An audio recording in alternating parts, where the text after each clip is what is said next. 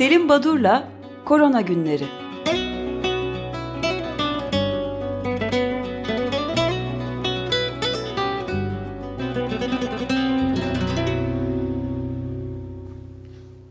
Günaydın Selim Badur, merhabalar. Günaydın, merhabalar. Günaydın. Günaydın Ödeş. Nasıl gidiyor? Dur, gidişat nasıl? E, siz de e, Açık Gazete'de bu saat 8-8.30 arası bölümde gittikçe daha az yer veriyorsunuz koronavirüsü. E, yani daha farklı konular öne geçiyor galiba. Herhalde siz de önemini yitirdiniz koronavirüs Evet evet kaçırdık gözden. Yani dünyanın sonu haberleri bir, bir, bir de Türkiye'de adaletin sonu haberleri çıkınca ikinci plana aldık. Onlar, üçüncü Ama plan. onlar yeni haber değil. Peki.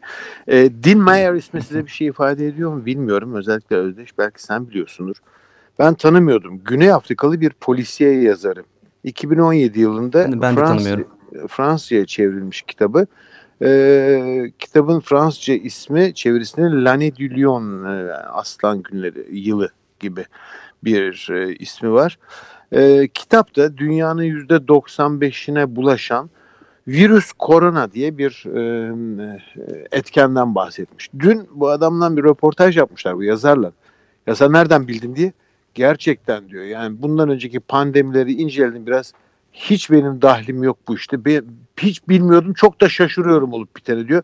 Öyle ilginç bir şey var yani. Edinip bu kitabı e, 2017'de Fransa'ya çevrilmiş. Galiba kitabın orijinalini e, 2009 yılında kaleme almış. Virüs koronadan bahsediyor. Pandemi yapan ilginç bir rastlantı kendisi de hani e, bu bilerek yapılmış bir şey değil gibi sanki suçlanıyormuşum gibi kendini aklamaya çalışan bir adam. Filmler de var biliyorsunuz böyle. Contagion filmi mesela.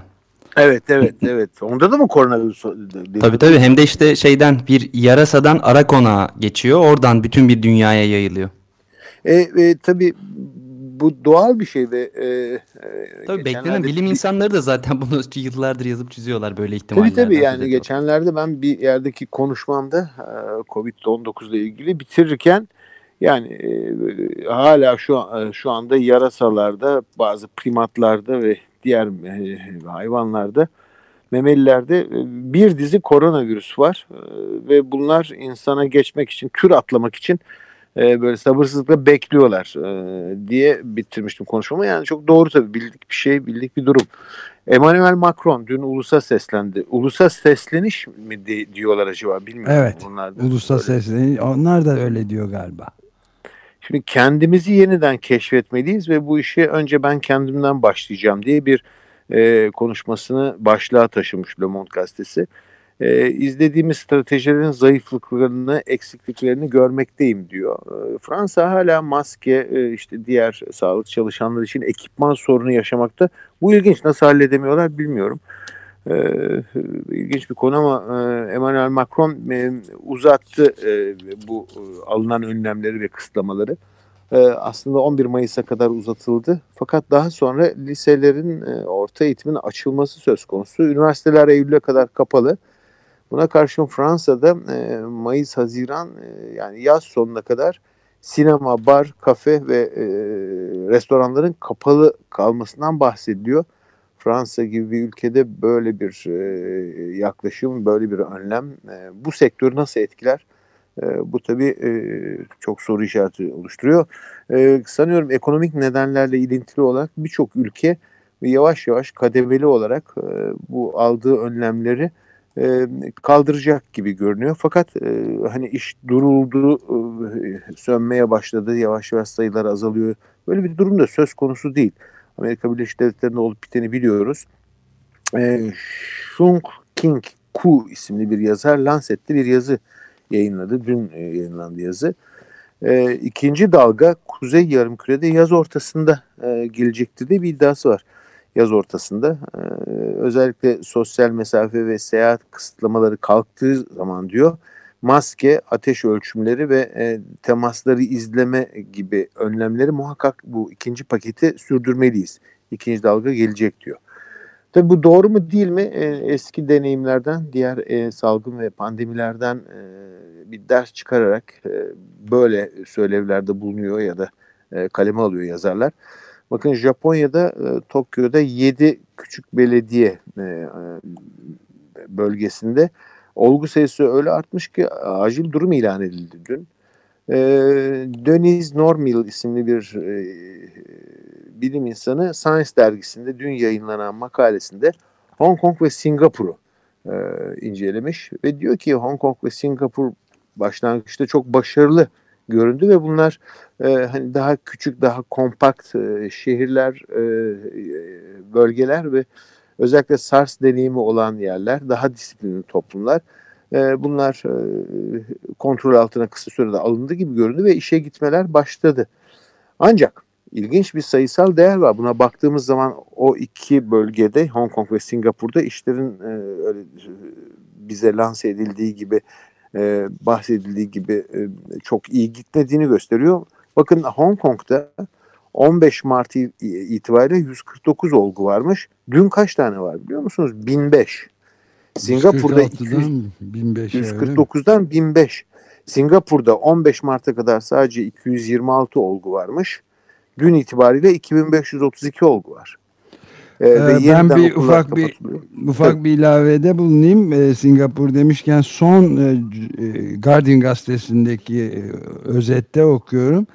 Son 24 saat içinde 386 vaka daha olmuş Singapur'da. Büyük bir sıçrama var enfeksiyonlarda ve evet. 3 2918 vakaya ulaşmış. Ve bunlar da göçmen işçilerin yatakhanelerinde görülüyormuş. İşin daha da vahim tarafı. E, bu Guardian'dan okuduğunuz habere iki e, notum olacak ya da düşündüğüm yorumum.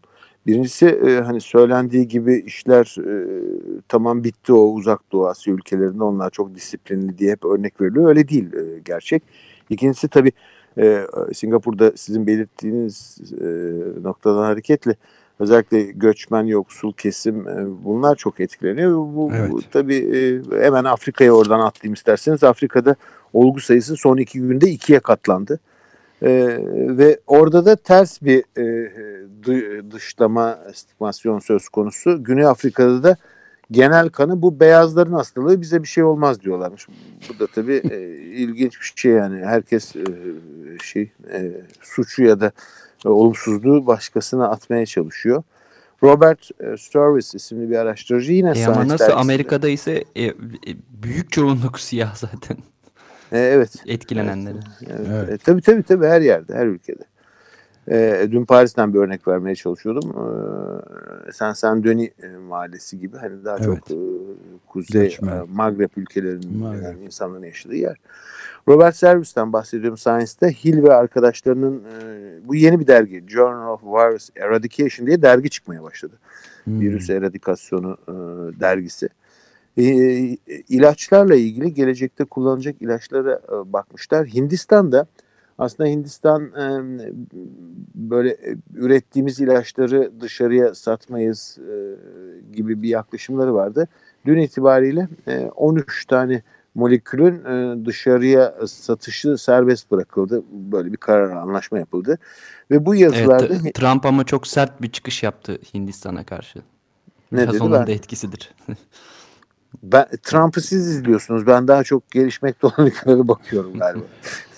Hindistan'da evet, ihraç etmesini e, ihraç etmesini e, serbest bırakmasını istedi ve kabul ettirdi Trump. Evet evet, evet benim de, benim de, evet ben de onu belirtmeye çalıştım.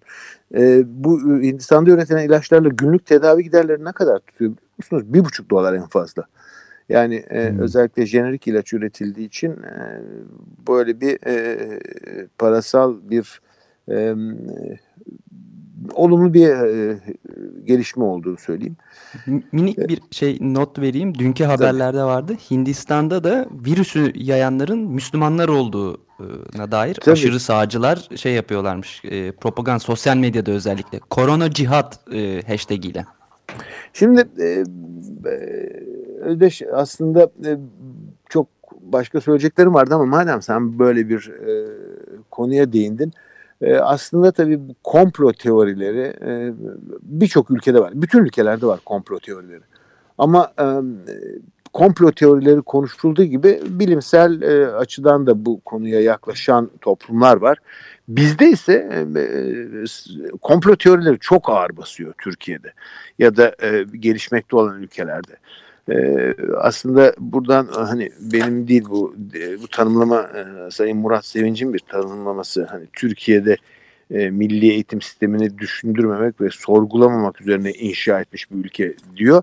Belki de toplumun bu kendisini düşündürmemek ve sorgulamamak üzerine inşa edilen eğitim sisteminden bir intikamı diye düşünüyorum bu komplo teorilerinin bu kadar yaygın olmasını. E, ve buna ait farklı örnekler var. E, Medical Antropolojide İnahayat Ali isimli bir yazar e, dün bir makale yayınlamıştı. İşte Pakistan'da mesela e, kızamık salgını sırasında hayır çocuklarınıza kızamık aşısı yaptırmayın diyenler e, neden e, kaynaklanıyor bu söylev? İşte bu e, daha çok e, yabancıların bizim ülkemizi ele geçirmek için yaptığı bir e, bir işlem e, önemli değil aslında diyorlar. E, ya da e, bu kızamık aşısı bize hasta ediyor diyenler. E, Yıllar önce Cumhurbaşkanı Erdoğan da e, bu aşırı tartışmalarında ben yaptırmıyorum, yaptırmayacağım da e, evet, demişti. Evet, bir nevi e, aşısında. E, mesela Kamerun'da bir örnek var. Kamerun'da e, 2010 yılında yayınlanmıştı. E, özellikle e, ortaokul öğrencisi olan genç kızlar e, aşı e, için gelen sağlık ekiplerinden kaçmak için camdan atlıyorlardı. Yani okulun camlarından e, böyle bir e, korku vardı ve Peki yanlış Sayın Badur yani şey e, bu özellikle koronavirüsünün yaygınlaşmasından sonra Covid'in e, pandemiden sonra bu aşı şeyinden pek söz edilmediğini de duyuyoruz bugün. E, açık bilinç programında da doktor doçent doktor Çağhan Kızıl'la konuşurken de o da söyledi aynı şeyi. Evet e, e, yani bu aşı karşılığı şu anda e, yani bu Covid-19 nedeniyle e, ciddi bir sağlık sorunu yaşıyor dünya ve tüm ülkeler. Genellikle aşı karşılığı çok fazla konuşmayacaklardır. Daha sonra herhalde işler durulduktan sonra tekrar gündeme geleceklerdir. İki tane Çağan önemli makale var. da aynı şeyi söyledi kayıtta evet. Evet. evet. Yani dinlemedim ama aklım yolu bir herhalde. Hayır yayınlamadık zaten dünkü Anladım, kayıttan ben. Ön, ön bilgi veriyorum. Ön bilgi. Peki iki önemli makale bir tanesi Journal of Medical Virology'de çıktı Tavopu. Virüsün insan, maymun, kır farelerine tropizmi var. Bu canlıların e, hücrelerine e, afinitesi var. Buna karşı kemiricilere yokmuş hiç. O ileri bilgi.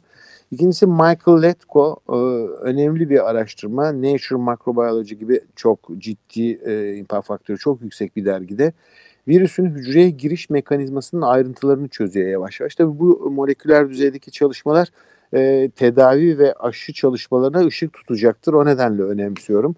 E, virüsün hücreye giriş sırasında bu spike proteini dediğimiz, dediğimiz S proteini işte hücre yüzeyinde nereye hangi hücreye e, girecekse onun üzerindeki acı 2 reseptörlerine bağlanıyordu.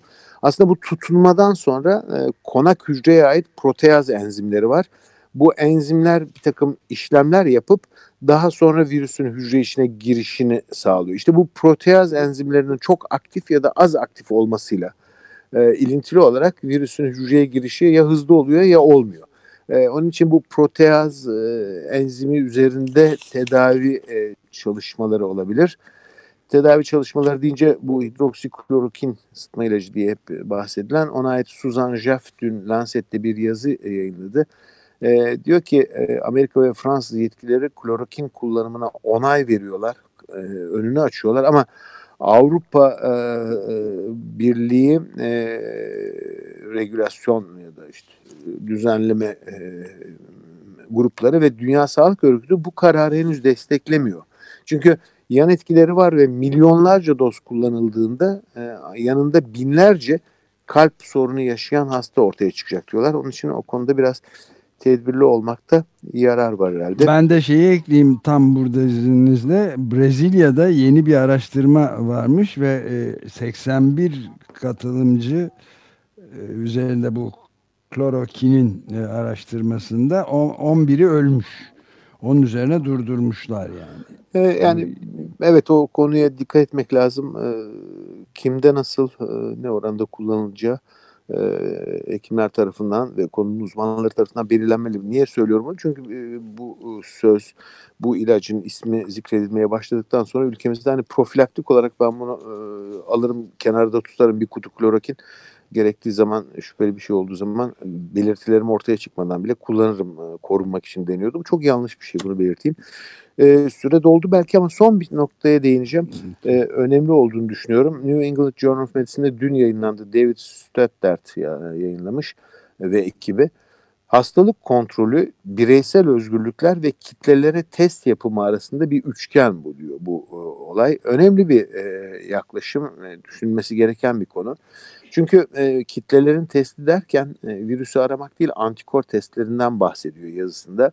Bunun nedeni de e, önce İspanya sonra Amerika Birleşik Devletleri şimdiki İngiltere e, biz e, antikor testi yaparak e, kimin virüsle temas ettiğini bir ölçelim. Böylece e, antikor testi pozitif çıkan yani virüsten daha önceden temas etmiş kişilere bir sertifika verelim. E, ve bu sertifikayla onlar işlerine gidebilsinler gibi bir yaklaşım var. Bunun çok tehlikeli olduğunu isterseniz yarın e, devam edelim bu konuda. Evet çok evet, önemli. Bu aslında önemli. Çok Ay, güvenlik yani, için haber olarak çünkü vermiştik olur. ama mümkün evet. mü? Ee, önemli bir tartışma. Peki Dominik'ten bir haber var mı efendim? Gayet iyi gidiyor. Barıştık. Ha, sevindim. Yani böyle kötü günlerde e, tek sevindirici e, haber herhalde bunu duymak. Tabii biz e, barıştık da hiçbir rekabet de kalmadı aramızda.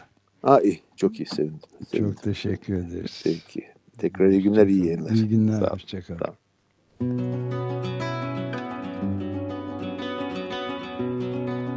Selim Badur'la Korona Günleri